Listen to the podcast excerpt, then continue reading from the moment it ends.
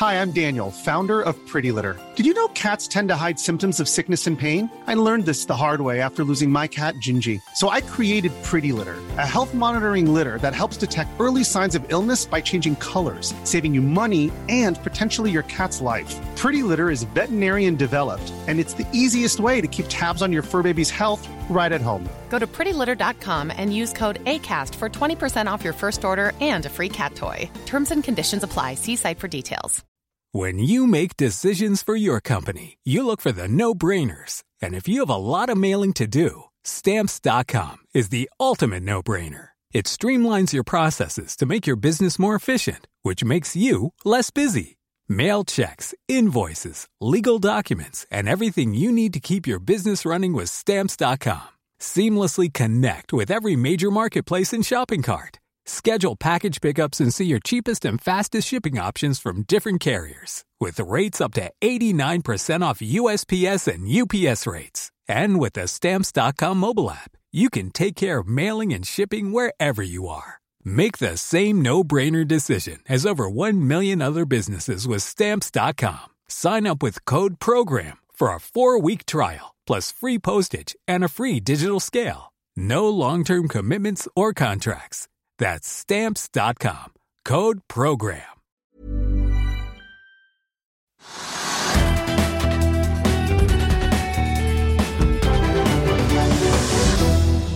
En riktig god mandag og velkommen til en ny uke her med oss i FA-TV. Du ser på Økonominyhetene. Mitt navn er Marius Lorentzen, og det har blitt 15. januar. Nye angrep på kryss og tvers mellom USA, Storbritannia og Houthi-militsen i Jemen gjennom helgen skaper spenning i shipping- og råvaremarkedene. Vi har sett at tidligere lakseanalytiker Kolbjørn Giske Ødegaard gjør comeback i Nordea, men denne gangen ikke i analyse, men i Corporate Finance-avdelingen.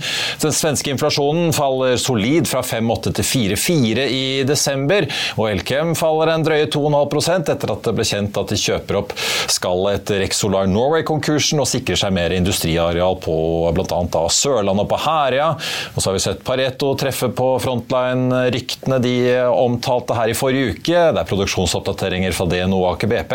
Og så har også Energeia for helgen kommet med en melding om at de har sikret seg mer nett fra Statnett for å få etter hvert da kommet i gang med disse solparkene de planlegger å bygge i Innlandet. Med i dagens sending så har vi Trygve Hegnar, og på kalenderen denne uken så må vi jo ta med også da at republikanerne Demokraterne sparker i gang primærvalgkampen.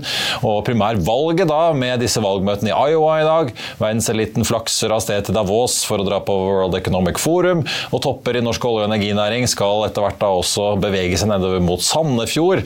Både da tirsdag og onsdag. Og så klinker også Pareto til med sin kraft- og fornybarkonferanse her i Oslo på eh, torsdag. I markedene så holder Wall Street stengt i dag pga. Martin Luther King Day, men eh, Wall Street steg jo da forrige uke samlet sett etter et fall i den første uken av året. Vi ser at hovedindeksen her hjemme er ganske mye ned i dag, nesten prosenten. og Det betyr at fallet i dag nesten tilsvarer nedgangen vi så i hele forrige uke. Nordsjøen er litt ned til 77,30 omtrent. Shippingindeksen på Oslo Børs den faller også snaue prosenten etter å ha steget over 3% på fredag. Nedover i Europa så er det stort sett bare rødt i dag. Det var det også i Asia, med unntak av Nikkei-indeksen i Tokyo, som fortsatte å vise styrke. Den har jo da kommet seg opp på nivåer vi ikke har sett siden 1990, faktisk. for de som husker tilbake til den gangen. Yara faller 0,7 i dag. Pareto spår aksjen opp 17% fremover. Analytiker Kenneth Sivertsen kutter likevel i estimater og kursmål, men mener at gjødselgiganten har nådd bunnen sin. Vil du bli oppdatert på det viktigste som har skjedd innen finans og næringsliv? Da er det bare å følge med, for hver morgen er jeg, Marius Lorentzen og aksjekommentator Karl Johan Malnes på plass i studio for å ta tempen på dagens marked i Børsmorgen. Og hver ettermiddag oppsummerer vi alt du trenger å vite i økonominyhetene, og det blir selvfølgelig masse interessante gjester. Klikk deg inn på fa.no-tv, eller søk opp Børsmorgen og Økonominyhetene der du hører på podkast.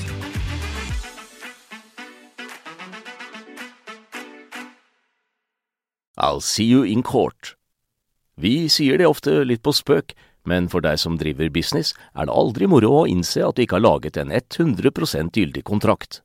Du bør ikke risikere hele firmaet ditt fordi du synes dette med kontrakter er litt stress. En avtale er ikke en avtale. Du kan miste kunder, miste venner, ja, til og med miste inntekter om du ikke lager en skikkelig kontrakt, på alt mulig, egentlig. Men vi vet det er et styr kopimaskiner, tregprinter og haugevis av papir. Dessuten stoler vi jo på folk her i landet.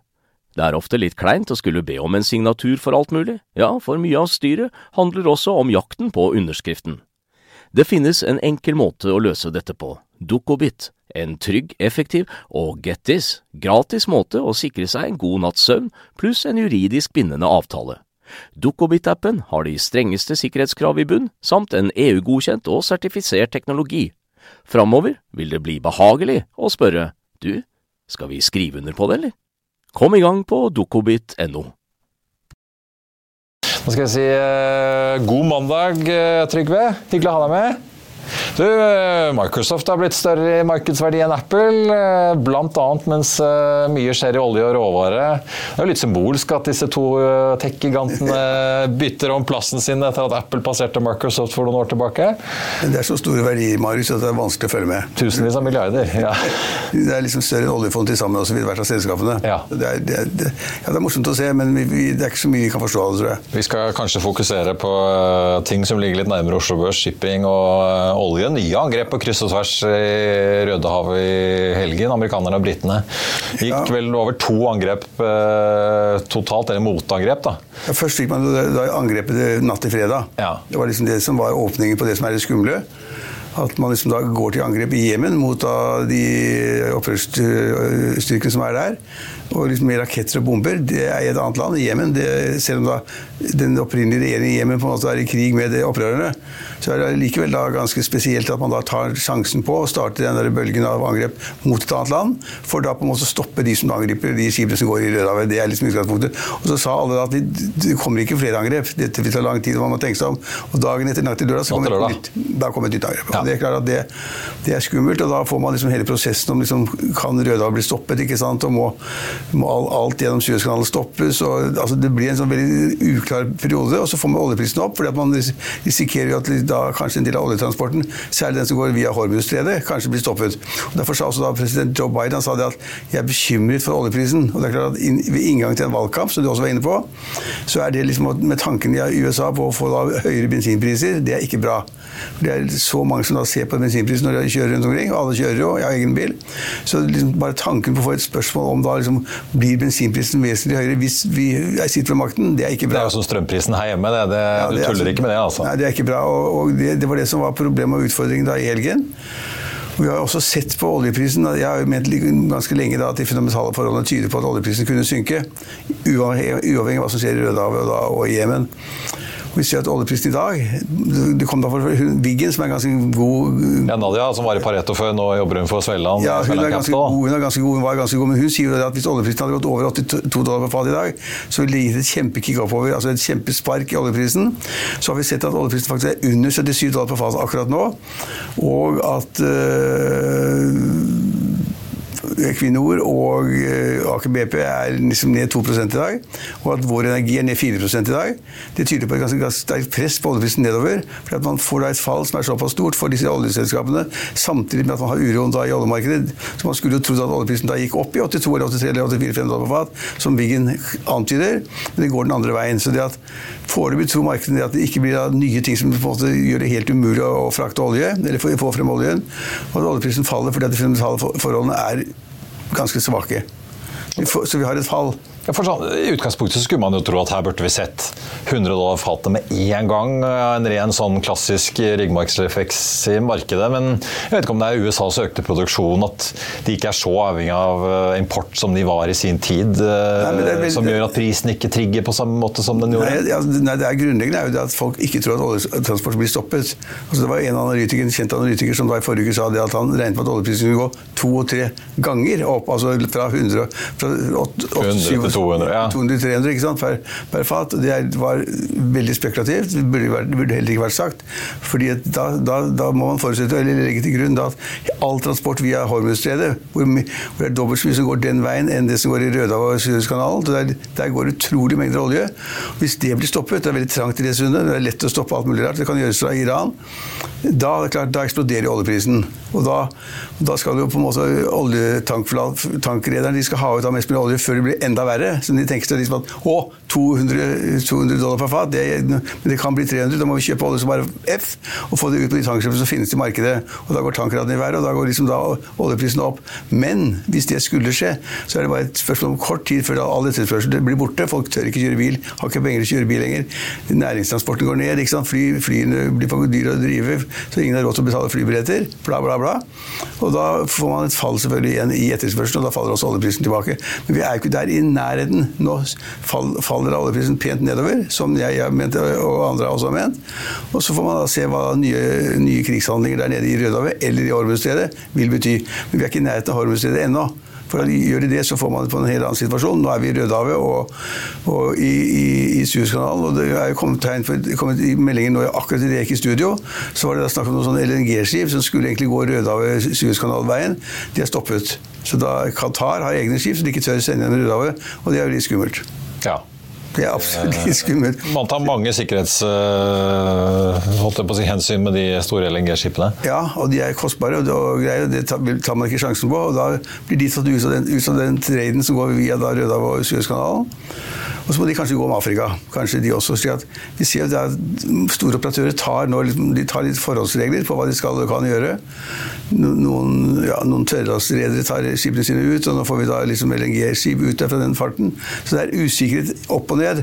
Men det, alt står og faller på da, om disse opprørsstyrkene i Jemen om de liksom tør sette i gang nye raketter mot da, da, europeiske skip eller amerikanske skip, israelske skip eller hva det måtte være. Og, og da, hvis de gjør det, altså hvis de sender flere raketter mot da, eller border eller angriper skip i Rødehavet, så vil sannsynligvis Amerika, nei, USA sende da nye raketter mot Jemen ganske kraftig. Og kanskje også mot Libanon, mot Hizbollah. Man kan tenke seg at dette sprer seg. så at Foreløpig syns jeg det er ganske rolig. Overraskende rolig. Ja. Oslo Børs er ikke mer ned enn mer enn 1 da.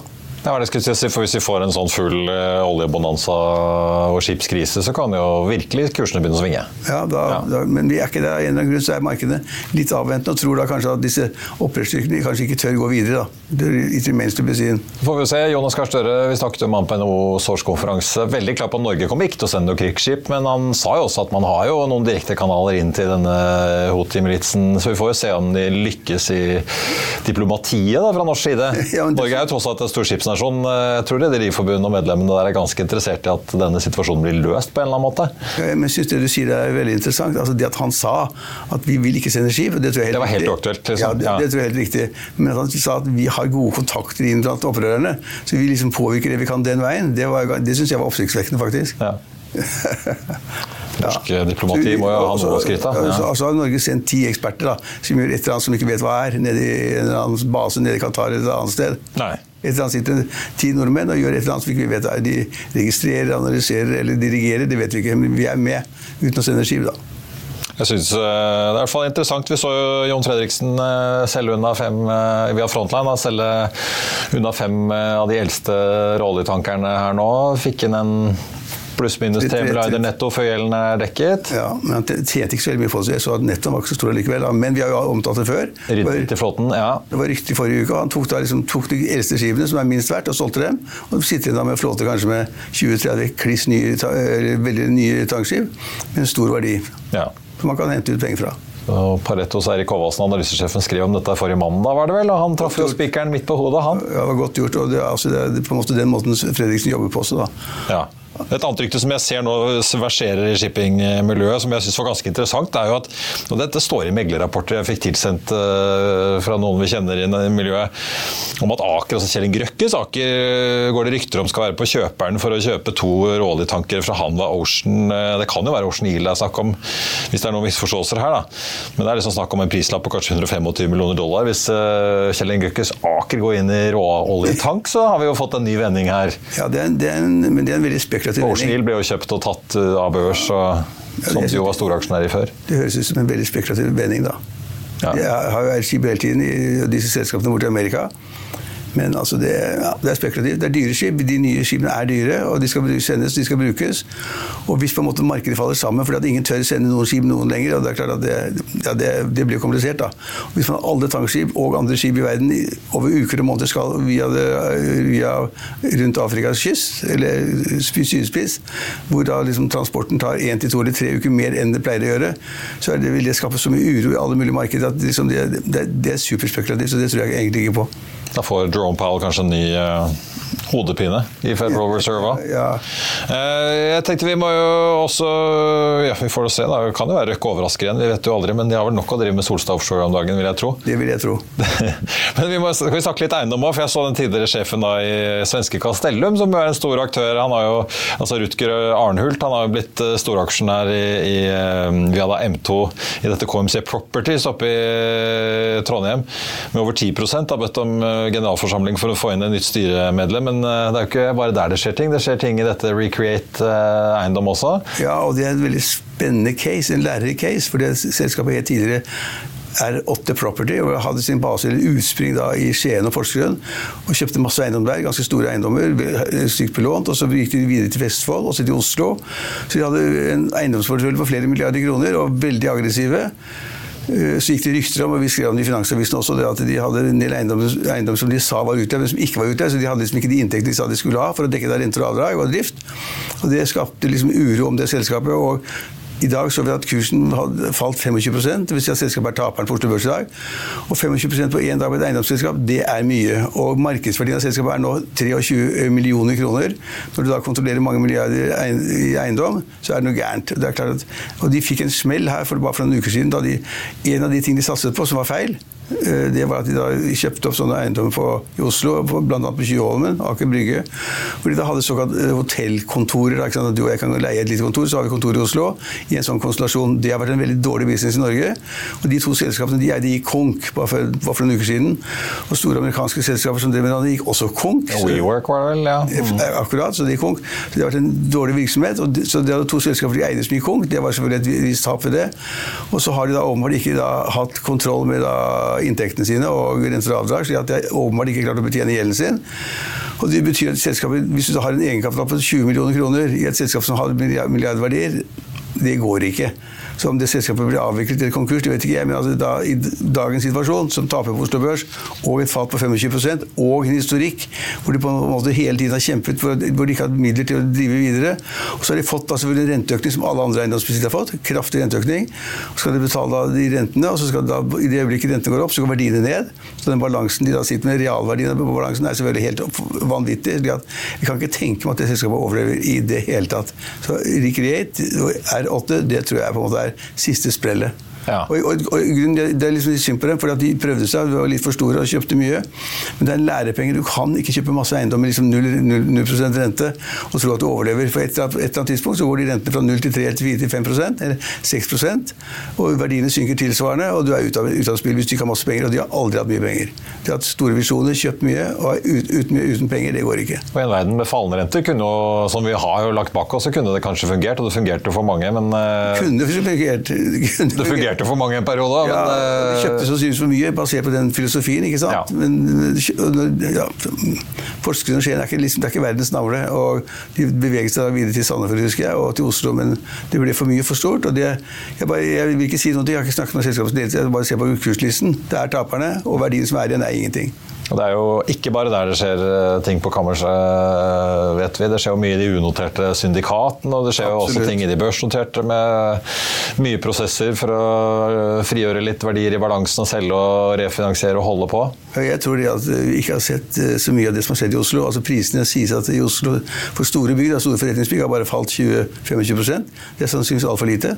For rentene siger oppover fortsatt, og har, verden har ikke, har ikke snudd ennå. og Snakk om at rentene skal synke i Norge. Det er altfor tidlig. Så det vil tidligst etter min oppfatning skje da, i beste fall annet halvår i år, og kanskje første halvår neste år. Men mange tror at, liksom da, at rentene skal begynne å falle som barrakkeren i første halvår i år. Det er ikke snakk om i det hele tatt.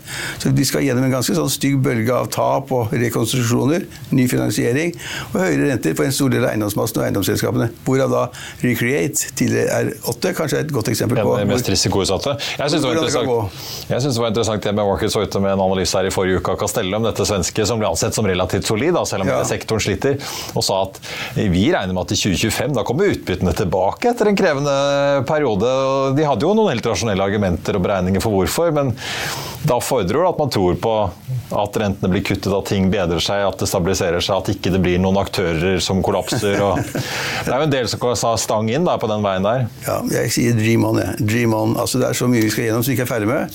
Og det er altfor mye snakk om rentekutt. Altså, først skal vi ha renteøkninger, ikke sant? og så skal de, bankene skal se på de kundene de har, og prosjektene de har, og skal si at oi, her fikk vi til 2,1% nå skal vi ha 6,5 eller 7 eller 5,5.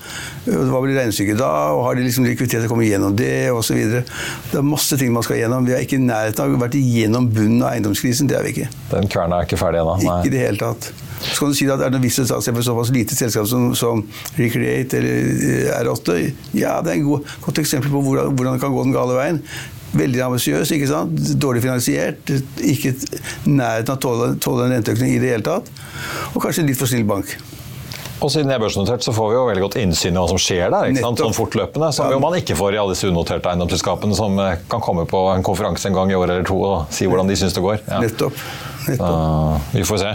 Du, vi skal jo ned til Sandefjord øh, nå i morgen og onsdag. Skal du til Davos, eller sammen med Fiffen? Det- det skal. Du på norsk fest? uh, er det i morgen kveld, eller når det er samme Det er vel Aker som tar regningen år, tror jeg? Aker tar regningen. Men når Stein Erik Hagen ikke reiser, da er det liksom da Og ikke skulle Kjell Inge Røkke komme heller, han bor jo i Sveits. Ja. Og Gahr Støre vil heller ikke reise. Nei, men Barth Eide skulle da. Ja, han er overalt. Han skulle være der hele uka, tror jeg. Tittet i kalenderen til Utenriksdepartementet. Det, er- en konferanse som har hatt statsleder og toppleder i business i, mange mange år. Sikkert vært veldig bra. Akkurat nå ser det ut som det er en liten nedtur. For folk skal spare litt penger, skal ikke kjøre, skal ikke fly privatfly inn osv. Det, er et er et lite sånn eh, ja, en warning om at ikke alle sånne store konferanser er det beste. Og hvis man da, som, som, det, som det hevdes, at Stein Erik Hagen betalte flere millioner kroner for å delta, så er det kanskje på tide at han sparer litt. Han fikk jo alltid et fint oppslag i VG, da, hvor han fikk Ja, eh, uttale seg om eh, ting som skjedde i verden. Veldig bra, Trygve. Vi får følge med på både Rødehavet og oljeprisen utover uken også. Den ligger foreløpig ned da 1,2% til 77,20 faktisk. Vi så jo nesten 79 dollar på starten av eh, dagen. Hovedindeksen ligger ned 0,8. Eh, 0,8% nå, har falt ned under, også 1300 poeng. 12,88 ligger vi på eh, nå. Vi lå på 13,01,48 på det meste i dag. Og så er det Recreata, hvor det har kanskje mange transaksjoner, men den siste var i hvert fall på 1 krone og 20. Det betyr en nedgang på 17% som Trygve var inne på. Så så vi nedgang godt opp på to-tallet tidligere i eh, dag. Ellers er Equinor, uh, Aker BP og Vår Energi alle mye ned. Det bidrar da til å dra hovedindeksen ned. Eh, Hafnia og DNB er blant de som er i grønt, om enn forsiktig i grønt på mest omsatt-listen nå i dag. I Finansavisen i morgen så kan du lese Trygves leder om potetbønder og eggedosis.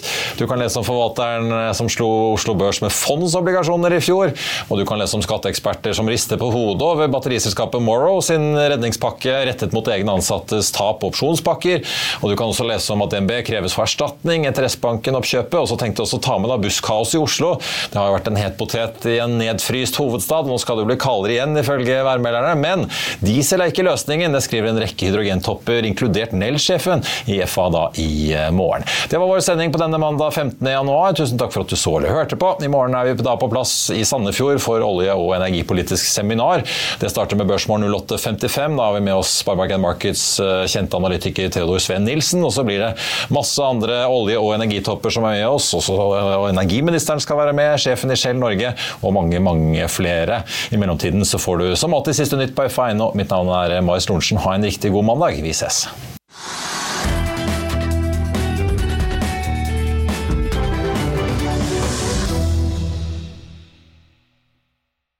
Økonominyhetene er en podkast fra Finansavisen. Programledere er Marius Lorentzen, Stein Ove Haugen og Benedikte Storm Bamvik. Produsenter er Lars Brenden Skram og Bashar Johar. Og ansvarlig redaktør er Trygve Hegnar.